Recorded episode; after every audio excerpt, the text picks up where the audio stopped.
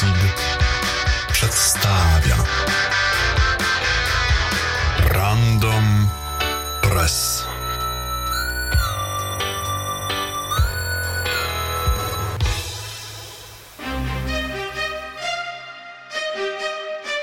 Próżność e-maila się spodziewał.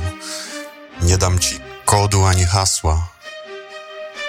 Gmailem nie wyślę poufnego mezga, bo to mezalians byłby dla rsa. Witam w 15. pod względem numeracji odcinku cyklicznej audycji Random Press. W ten deszczowy, czerwcowy wieczór posłuchamy sobie o atakach inwigilacyjnych wymierzonych w popularne przeglądarki, firewallu NFTables, systemie kontroli wersji Git, antywirusowej poradzie Samsunga, dwuskładnikowym uwierzytelnianiu Google'a i trybie poufnym Gmaila i reakcji serwisu Proton Mail. Zanim zaczniemy zgłębiać przygotowane tematy, chciałbym dodać, że od tygodnia materiały zgrupowane w kanale Random Stream, czyli m.in. Random Press, dostępne są w nowym nośniku, a mianowicie w usłudze Google Podcasts. Odnośnik subskrypcyjny można odnaleźć wśród ikonek umieszczonych pod odtwarzaczem po prawej stronie w kierunku jazdy. Zapraszam też do subskrybowania kanału RSS, zarówno podcastu, jak i całej witryny a tych, którzy lubią sieci społecznościowe, do odwiedzenia strony na Facebooku. No więc zaczynamy z cotygodniową porcją bugów, podatności i ciekawostek. Grupa badaczy bezpieczeństwa z Uniwersytetu w Grazu na sympozjum NDSS pochwaliła się skutecznymi atakami wymierzonymi w, uwaga, Firefoxa, Chroma, Edge'a i mobilnego Tor browsera. Znalezione podatności pozwoliły na ujawnianie m.in. systemu operacyjnego, architektury procesora, modeli wtyczek mających zapewniać prywatność, a także wersji browsera. Naukowcy opracowali zestaw zautomatyzowanych testów, których celem jest wykrywanie subtelnych różnic w zachowaniu przeglądarek, różnic wynikających ze środowisk operacyjnych, w jakich są uruchamiane. Przypomina to trochę znane narzędzia sieciowe takie jak na przykład Nmap, które dokonują tak zwanego fingerprintingu zdalnej stacji, sądując parametry pakietów sieciowych i na tej podstawie ustalając z jakim stosem TCP/IP mają do czynienia. Metoda polega tu na skorzystaniu z silnika JavaScript i uruchomieniu zestawu operacji, których rezultaty różnią się między systemami operacyjnymi, wersjami przeglądarki, przeglądarek i użytkowanymi pluginami zwiększającymi prywatność. Na podstawie próbnych danych tworzone są bazy zwane przez badaczy szablonami, które następnie używane są do tego, aby porównywać z nimi rezultaty próbkowania. Analizowana jest m.in. struktura obiektów w modelu DOM, włączając w to ich typy obecne w implementacji JavaScriptu, metody związane z właściwościami obiektów, łańcuchy prototypowania, coś jak hierarchia klas w językach zorientowanych typowo obiektowo, a nawet prędkości parsowania dla danych różnych rodzajów. W starciu z zaproponowaną metodyką ataków najlepiej poradził sobie Tor Browser, którego celem jest integracja z siecią anonimizującą Tor i maksymalna ochrona tożsamościowej prywatności użytkownika. Jednak nawet tu znaleziono słabe punkty. Jednym z nich jest na przykład domyślny rozmiar okna przeglądarki. Poza tym bazujący na Firefoxie Tor Browser różni się od niego ponad trzema tysiącami domyślnych wartości pewnych właściwości obiektów dostępnych w JavaScriptie. Warto zastanowić się, w jaki sposób tego rodzaju ataki mogą szkodzić użytkownikom. Po pierwsze, mogą ułatwiać ich śledzenie przez odgadywanie, czy dany użytkownik powraca do serwisu, szczególnie tam, gdzie nie ma zbyt dużej puli odwiedzających. W tym kontekście ataki template'owe będą osłabiały mechanizmy oddzielające tożsamość od działań użytkownika w sieci. Przypominają nieco pod tym względem mechanizm zwany super cookies, który wykorzystywał różne mechanizmy, aby w jakiś sposób nakłonić przeglądarkę do zapamiętania unikatowej wartości śledzącej, którą potem, gdy użytkownik ponownie odwiedza witrynę, można odczytać. I jeszcze taka ciekawostka, poza wspomnianymi właściwościami środowiskowymi, metody zaproponowane przez badaczy umożliwiają sprawdzenie, czy użytkownik korzysta z tak zwanego prywatnego trybu przeglądania. To dla tych, którzy chcieliby wykrywać, czy użytkownik ma interes w ukrywaniu swych działań podczas wchodzenia na stronę. Poza identyfikacją specyficznych, powracających użytkowników i danymi statystycznymi, ataki tego typu mogą być też użyte przez potencjalnych intruzów do znajdowania punktów wejścia, a to dlatego, że pozwalają na wykrywanie wersji systemu operacyjnego popularnych wtyczek będących w użyciu i architektury CPU. Takie techniczne informacje przydają się napastnikom w fazie rekonesansu. W serwisie Random Seed pojawił się zrewitalizowany, czyli przeredagowany troszeczkę artykuł traktujący o nowej zaporze sieciowej systemu Linux. Nowej może nie tak bardzo, no bo oficjalnie włączonej do źródeł kernela około roku 2014.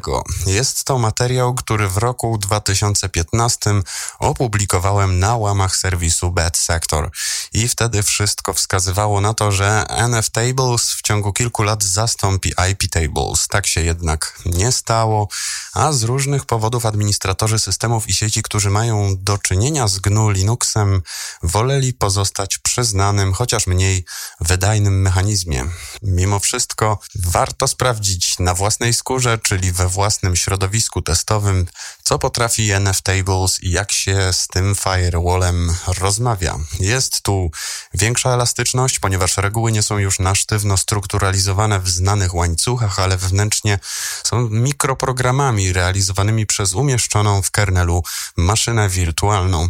Również sama składnia wyrażeń, z którymi mamy do czynienia w działającej w przestrzeni użytkownika aplikacji sterującej jest ciekawa, przypomina niektóre języki programowania. Mamy kilka dobrze znanych struktur danych, takich jak na przykład słowniki, mapy czy zbiory, a integracji z podsystemem NetFilter dokonuje się z użyciem tak zwanych podpięć z angielska hooks, co przypomina trochę programowanie bazujące na zdarzeniach.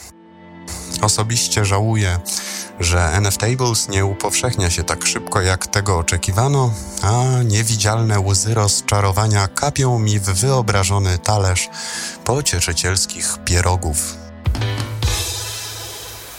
I kolejna autopromocja. W zeszłym tygodniu opublikowałem w serwisie Random Seed kolejny odcinek poświęcony systemowi kontroli wersji Git. Wbrew brzmieniu nie chodzi o subkulturę więzienną, ale o coś bardzo przydatnego dla programistów, którzy chcą zapanować nad zmianami wprowadzanymi w swych bazach kodu źródłowego.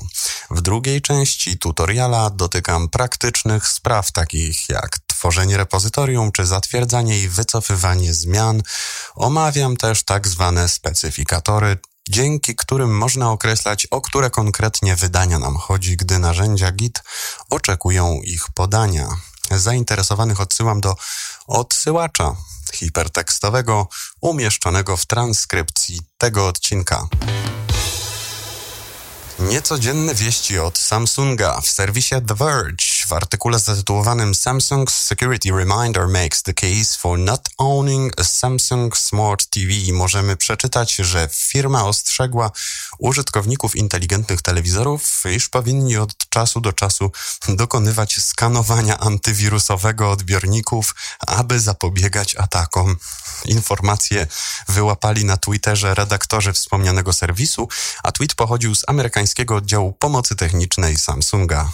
Autorów publikacji zastanawia, kto wpadł na taki rewelacyjny pomysł, ponieważ statystycznie użytkownicy telewizorów mają problem nawet z włączeniem i wyłączeniem podstawowych funkcji, takich jak na przykład wygładzanie obrazu. Pada też pytanie, czy nie lepiej byłoby takie skanowanie przeprowadzać automatycznie. W dalszej części materiału autor spekuluje, że mogło chodzić o jakieś zagrożenie. Nowe telewizory mają często wbudowane mikrofony, a w ich pamięciach można znaleźć na przykład dane kart płatniczych używanych do opłacania usług wideo na żądanie.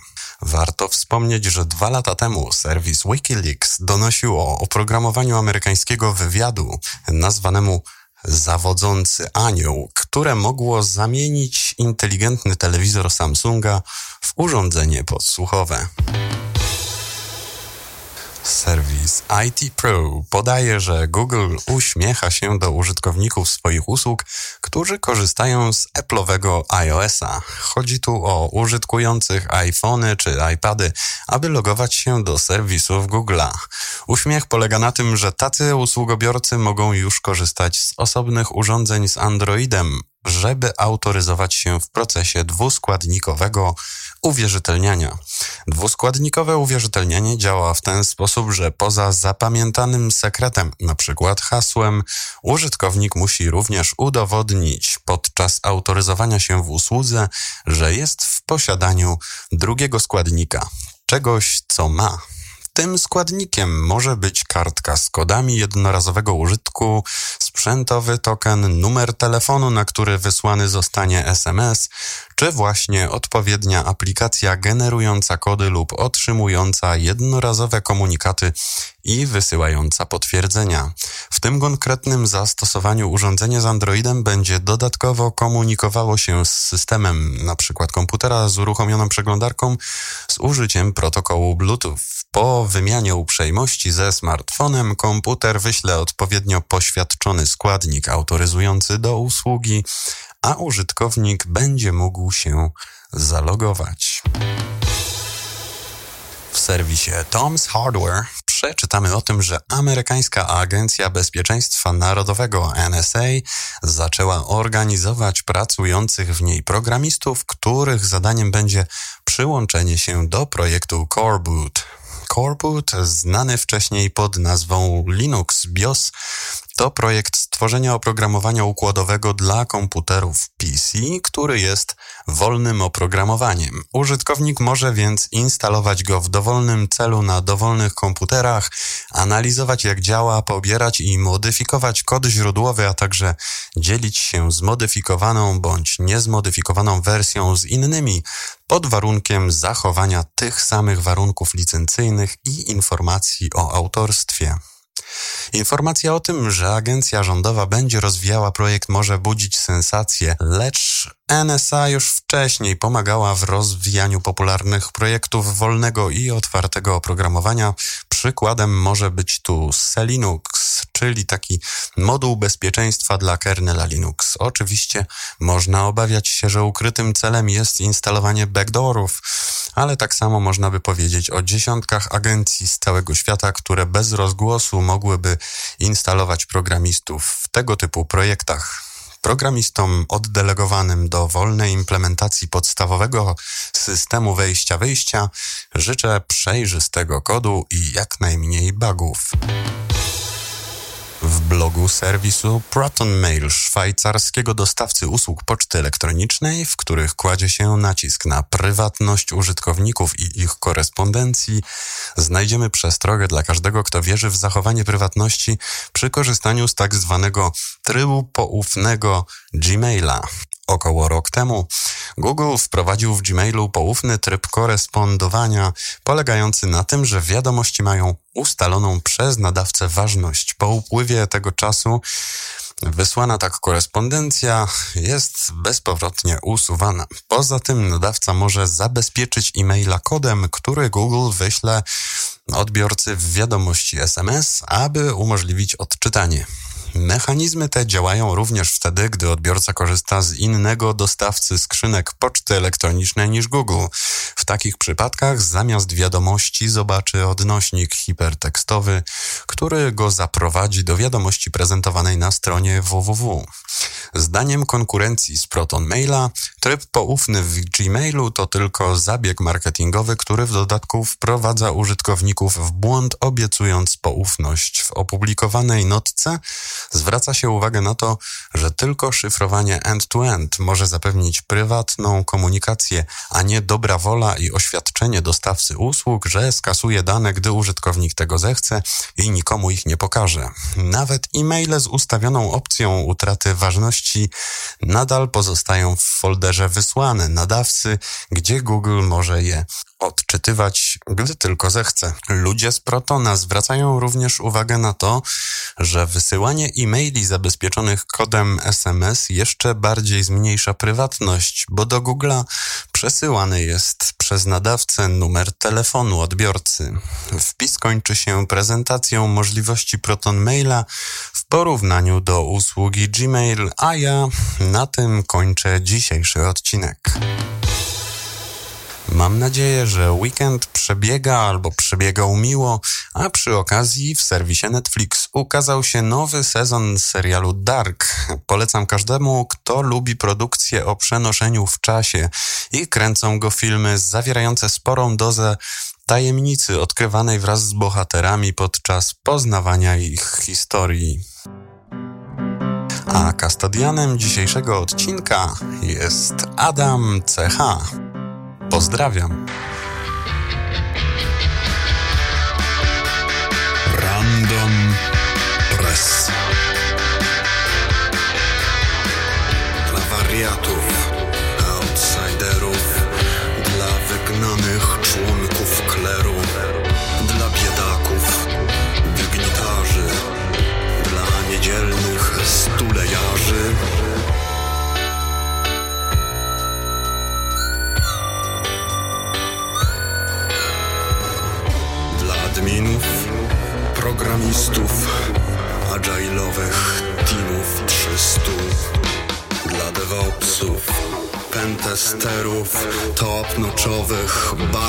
Bug hunterów.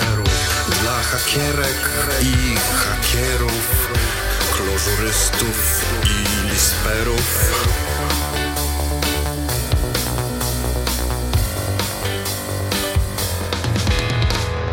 Dla ćwiczących gdzieś dla masy.